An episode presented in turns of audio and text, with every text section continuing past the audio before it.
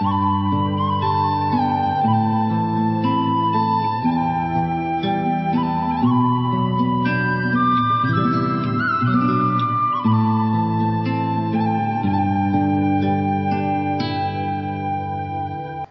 גדלנו בבית עם אבא ואימא. האנשים שטיפלו בנו, ולי על אחת כמה וכמה החברים של הקיבוץ, כולם היו ההורים שלי. אני תמיד הייתי הבת הבכורה של בית הערבה.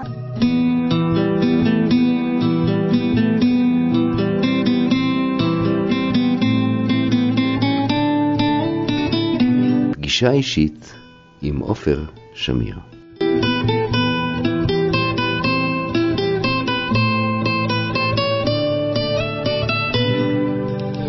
בית הערבה הוא קיבוץ שנחנך במאי 1939, בימי הספר הלבן על אדמות מפעל האשלג בצפון ים המלח. במלחמת השחרור פונה היישוב והשטח נפל לידי ירדן.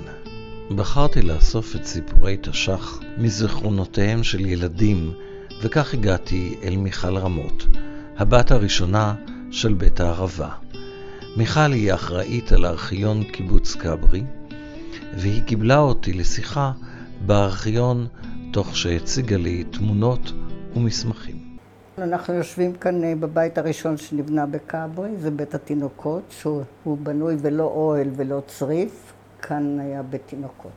ואחר כך העבירו את הארכיון מכל מיני מקומות בכברי הנה, וככה אני באתי לארכיון. ואני כאן אה, למעלה מ-20 שנה. אני קיבלתי את הארכיון מידיים של שתי חברות שהיו מבית הערבה, והן היו שנים אחראיות על הארכיון. הרבה דברים, המון דברים פה, זה מאוד מהימים, אני קוראת להם כרמלה ולאה הלוי, שהן היו הארכיונאיות בכברי שנים רבות רבות רבות. אימא שלי הגיעה מגרמניה, מקמניץ. שלוש אחיות הגיעו לארץ מגרמניה. שתי אחיות נשארו בגרמניה עם ההורים ומיד אה, נספו בשואה. בכלל, אצל אימא שלי היו רק חמש בנות, ואצל אבא שלי שישה בנים. כך זה התחלק. ואבא שלי הגיע מרומניה, הוא היה בן גיל ארבע, לאין גנים הוא היה קורא לזה. אין גנים. פתח תקווה? פתח תקווה. אבא שלי היה חבר במחנות העולים. עכשיו, איך אימא שלי בדיוק הגיעה להיות קיבוצניקית בבית הערבה, מה שאני יודעת זה שהיא הגיעה לכפר סולד, יכול להיות עם איזו הכשרה, משם לסדום, ואתה לא יכול לשאול אותי שום דבר איך אנשים ככה התגלגלו. בסדום פגשה את אבא שלי, אני אבא שלך היה במחנות עולים. רוב החברים הראשונים שהקימו את בית הערבה הם ממחנות העולים. והם באו לעבוד בסדום. למה הם באו לסדום? לא יודעת. לא גדלנו בבית עם אבא ואימא. האנשים שטיפלו בנו, ולי על אחת כמה וכמה החברים של הקיבוץ, כולם היו ההורים שלי. אני תמיד הייתי הבת הבכורה של בית הערבה, והם עד סוף ימיהם התייחסו אליי כאל בת שלהם, ויש לי את זה ברישומים וכתובים וכולי וכולי. למשל, אישה אחת שהייתה בין היתר אימא שלי, שמספרת שביום הולדת שנתיים שחגגו לי כל הקיבוץ, כל בית הערבה חגג לי יום הולדת שנתיים, והיא נסעה לירושלים לקנות לי כובע, יש צילום של זה. וכל הימים, תמיד עד סוף ימיה, היא הייתה עוד אימא שלי. והלכתי להיפרד ממנה בבית חולים בנהריה, והיא אמרה לי, שלום ילדה שלי. היא הייתה כבר חברה ותיקה בכברי הרבה שנים. וזה מתמצת לי את כל היחס של החברים המבוגרים אליי. כל השנים. אני מרגישה שיש לי איזשהו מקום מיוחד, ואני היום בכברי לא מכירה כבר הרבה אנשים. הקיבוץ גדל, הילדים גדלו והשתנו, והרבה פעמים עושים לי שלום. ואני, אם אני נחמדה אני עושה שלום כזה, ואם אה, אני בכל זאת סקרנית, אני אומרת, אה, רק תזכיר לי מי אתה, זה יכול להיות בן משק שגדל והתקרח והשתנה, ואנחנו לא כל הזמן, אין כבר חדר אוכל. בחדר אוכל כולם היו עוברים בסך, אתה יודע. זהו, אז אה, אני אומרת לו, אני לא יודעת, אתה יודע מי אני? אז הוא בטח, את מיכל, אה, מיכל, כן. אני מרגישה שזה מלווה אותי, הבת הבכורה של בית הערבה, ואני גם נורא גאה בזה. תסתכל, מה יש לי פה? תראה. יש לי כאן ברכה שהייתי בת חמישים.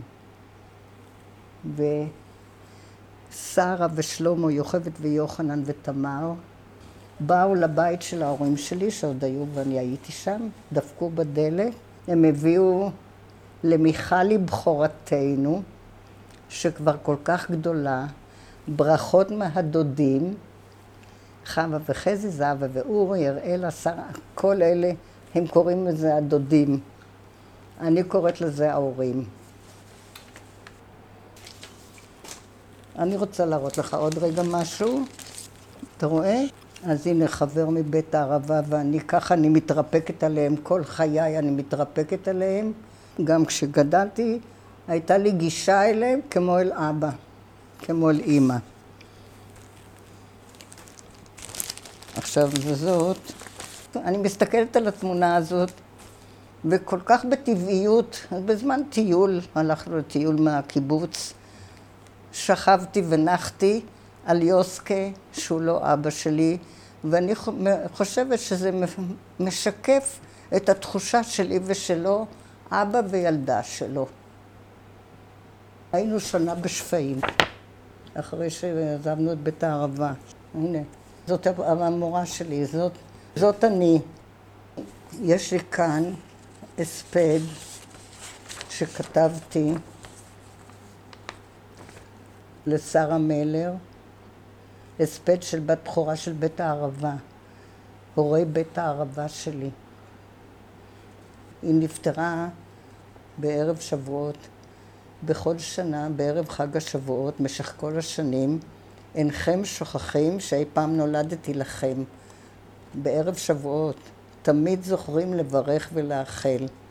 ופעם בשנה, שוב אני אותה ילדה שלכם כמו אז, רחוק רחוק. השנה, ערב שבועות, יום הולדתי, בערב זה, שרה שלי, את הולכת מאימי לתמיד. נסגר מעגל. ואת ילידת שבועות? ערב חג הביקורים נולדה הבכורה.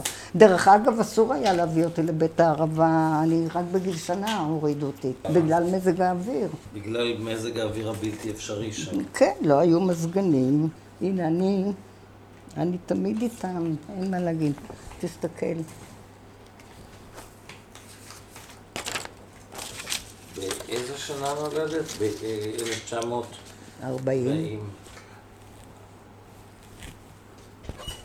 אני אספר לך חוויית ילדות שלי שמספרת איזו תחושה של הגנה ואהבה וביטחון הייתה לי כשהייתי ילדה בבית הערבה. אז כמו שכל הילדים ישנו בתקופה ההיא, ישנתי בבית הילדים, גרנו בבית הילדים כמובן, ובלילה בכיתי. ואז שומרת הלילה שמה אותי על הארון שאני אפסיק לבכות. עד היום אני שומעת את עצמי מספרת ככה. אתם יודעים, בלילה אני בכיתי ועמליה שמה אותי על ארון. ואת כל זה סיפרתי בבדיחות הדעת. אני לא הרגשתי שיש כאן איזושהי אלימות נגדי או משהו. ככה הרגשתי בשעת לילה, כשהשומרת לילה כועסת. אבל אני קיבלתי את זה משהו בצחוק ובחוויה של לילה. זאת אומרת, בעצם מה שאת מספרת, שכולם טיפלו בך. כל, ה, כל החברי בית הרב. לא רק בי, כן, כל מי שנולד שם. תראה, האח של אה, תמר גדעון אה, הלך ולא היה, ונשארתי לבד איזו תקופה, ואחר כך נולדו, אהוד נולד וכל היתר, ועופר, שקוראים לבת הזאת עופר, כן? ורותם. הם היו אנשים מיוחדים, אנשים אה, מלומדים, עם חזון, עם... אה, לא יודעת איך לקרוא לזה. אין דבר כזה היום בארץ, אין. יכלו לחום, יכלו לבדידות. אין, זאת הייתה מטרה נעלה לבנות בית בשממה הנוראה הזאת. לי יש זיכרון אחד שאני מעיזה ללכת יחפה על אדמת בית הערבה, ובאמת מתיישבת על הטוסיק ובוכה כי נשרפו לי הרגליים. ממש ממש אה, לא העליתי בדעתי שהאדמה כל כך חמה, אני זוכרת, זה זיכרון של משהו טראומטי קצת, אני לא זוכרת אפילו מי לקח אותי משם, זה אני לא זוכרת. כל חיינו, רובנו, גידלנו כלבים וחתולים, ויש לי גם חתולה. זה הכל מהילדות, אין שום ספק ש... ת, תרים רגע את התמונה הזאת כאן שמוסתרת. תראה, אתה רואה את זה? כל חיינו, זה בכברי כבר. אנחנו גידלנו חיות. אנחנו גידלנו עורבים. זאת אני, אני מאכילה את העורב. אנחנו גידלנו את העורבים האלה.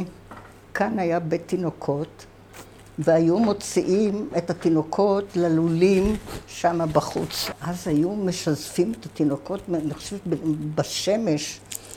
ואז הגיעה הבשורה שהעורבים יכולים לנקר את העיניים של התינוקות, כי הן נוצצות, ואז הפסיקו לנו את הגידול של העורבים.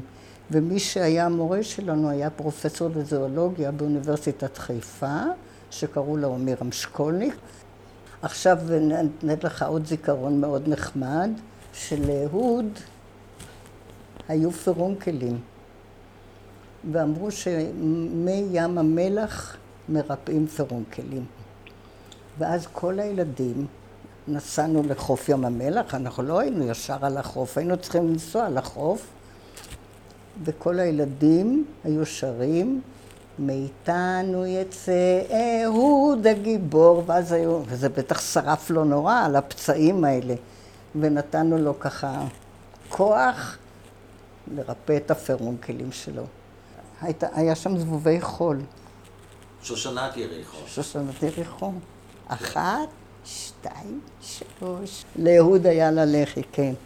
ואני זחלתי, הייתי קטנה, ואסור היה לחבוש את זה. זה מה שסיפרו לי. ובגלל זה יש לי צלקות ואני נורא גאה. בוא נתקדם. יאללה, לאן אבל... נתקדם? הנה, החברים הולכים לחפש יישוב, איפה לבנות מחדש את כברי. זה כאן. היה אחרי שעזבתם, אבל, אבל, לפני, אבל לפני שעזבתם, ומה אנשים התפרנסו שם? בחברת אשלג עבדו. גן ירק היה. זה גם לא עניין אותי ממה החברים התפרנסו. אני קיבלתי אוכל, קיבלתי לינה, קיבל... הכל היה. אני בחיים לא דאגתי למה יהיה אם אני אהיה... ערבות הדדית זה מה שיש לנו עד היום בכברי. זה המילה, מילת הפלא. אני רואה כאן חברים מזדקנים, חולים, מסורטנים, איך הקיבוץ דואג להם. הם שוכבים בשקט בבית, צריך מטפלת, הקיבוץ מביא מטפלת, ערבות הדדית. גם הקיבוץ הופרט. כן, הופרט, אבל הערבות ההדדית נשארה, כולם אחראים על כולם. אף אחד לא יישאר ברחוב. שומרים על כמה דברים אלמנטריים. יש כאן שירים, יש כאן עניים, מהחברים של הקיבוץ אין ספק. מה את זוכרת מהפינוי של אה, בית הערבה? שמח, מאוד שמח. העירו אותנו בלילה, אני יודעת בדיעבד שזה היה אחת בלילה. נתנו לנו כובעים חדשים, אני עכשיו מדברת כמו ילדה, ואף אחד לא אמר לנו, אוי אוי אוי, חברים, קורה כאן דבר קשה ונורא בשבילנו, ההורים. הם שמרו עלינו שנהיה רגועים ושקטים. לקחו אותנו באוטו לאיזה שדה תעופה, אני אפילו לא יודעת איפה זה היה, עלינו על אווירון וטסנו לבית החלוצות בתל אביב. זה ההגנה שהייתה לנו כל חיינו מהחברים שהיו ההורים שלנו. מדוע הגעתם דווקא לכברי? הרי נו, אני, פי... אני לא יודעת. היה פילוג, נכון? היה... כן, גשר הזיו וכברי, כן. מפא"י, מפא"י ואחדות העבודה לפי דעתי. ילדה. היית בת שבע, שמונה. כן, ואחר כך, אה, מכיוון שלא הייתה לי כאן כיתה, הסיעו אותי כל יום ארבע שנים לקיבוץ עברון ללמוד, בכברי, אני מדברת מכברי. שם היה צריף שלנו, שאני הייתי עם הכיתה, עם עופר ואלה שהיו אחריי, אבל לא למדתי איתם, למדתי לפי הגיל שלי בעברון. וכל יום הביאו אותי לעברון ולקחו אותי בחזרה לכברי. ואימא שלי עבדה פה, והייתה שורקת לי את השריקה. הרי לכל המשפחה הייתה שריקה שלה. אנחנו ידענו להבדיל של מי השריקה, והכל היה מבוסס על השריקה של מחנות עולים. כל אחד הוסיף קטע למשפחה שלו. אז איך היה הקטע שלכם? ני, אני לא יכולה לשרוק עכשיו. מה, את לא יכולה? חבל. ני ני ני ני, זה של מחנות העולים. אצלנו זה היה רק. אימא שלי הייתה עומדת כאן במדרגות ושורקת לי לראות אם קמתי בזמן, ואם אני מוכנה לנסוע ללימודים בעברון. אבל אחר כך אני יכולה להגיד לך דבר יותר באמת יפה. הרי כל הקיבוצים קלטו עליית נוער, ילדים משכבות נמוכות בארץ. ולי הביאו בגיל 12, כשהילדים בעברון נכנסו לשומר הצעיר, אוי ואבוי, אני רואה את זה כאן בפרוטוקולים של האספה, שצריך לדאוג למיכל לכיתה בכברי בבית. ואז הביאו 30 ילדים של עליית הנוער וחיברו אותי אליהם ואותם אליי. זהו, וקראו לנו כיתת רגבים, והיינו הכיתה הראשונה בכברי. אני, בת משק, כל היתר. הם לא היו, הם היו ישראלים, הם נולדו בארץ. זאת אומרת ילדי חוץ. י... בדיוק, ילדי חוץ. זאת מילה, כן, שהשתמשו בה הרבה. טוב, כדי שיחונכו לפי האידיאולוגיה. בהחלט, בהחלט, יצאו ילדים טובים. כן. אבל אני אספר לך דבר שלא שייך כבר לכברי. לי היה בעל מאוד מאוד הרפתקן, ויש לנו, יש לנו עדיין, אבל הוא כבר לא, חמישה ילדים, מגיל שנתיים עד גיל עשר, והוא נשלח דרך משרד החקלאות לפרו, לארצות מתפתחות, וכולנו, כל הערימה, היינו שנתיים בפרו. חוויה מצוינת. היינו, מה זה, היינו בכל ה... טסנו למקסיקו ולצ'ילה ולארגנטינה, ו... אבל אני אספר לך משהו יפה לפי דעתי. כשחזרנו, מכיוון שזה היה דבר כל כך אחר ומיוחד, חגגנו. וכשחזרנו, כי נגמרה השליחות מטעם משרד החקלאות, אז באיזשהו מקום חשבנו שאולי נסע, נמשיך לנסוע, נמשיך אה, לחגוג, כמו שאומרים. ואז הציעו לנו בקמרי לחזור, אבל אנחנו לפני המזכיר, שהיה יחיאל שמי, פסל מאוד מפורסם, כן. יחיאל שמי, יש לו אטליה... כל הפסלים אה, מהברזל. ואז, מכיוון שאי אפשר היה לעשות דברים בלי החלטה של הקיבוץ, דברים כאלה מיוחדים, אז בדחילו ורחימו הלכנו למזכיר, שהיה יחיאל שמי, ואמרנו לו שאנחנו מגלים לו שאולי אנחנו נרצה להמשיך את החוויה הזאת בארץ אחרת, ואז בטוב ליבו ובחוכמתו. הוא אמר, קודם כל, תיכנסו לבית, שיהיה לכם בכברי בית. ואחר כך נדבר. וכשאתה נכנס לבית, אז יש לך בית. ונשארנו בכברי, בבית. אתם וחמישה ילדים. כן. יש לי שלושה בנים ושתי בנות, ויש לי חמישה נכדים.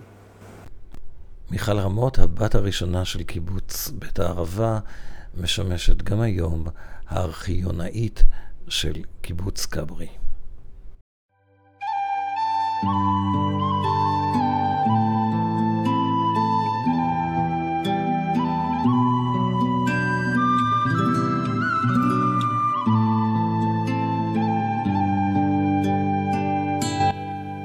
פגישה אישית עם עופר שמיר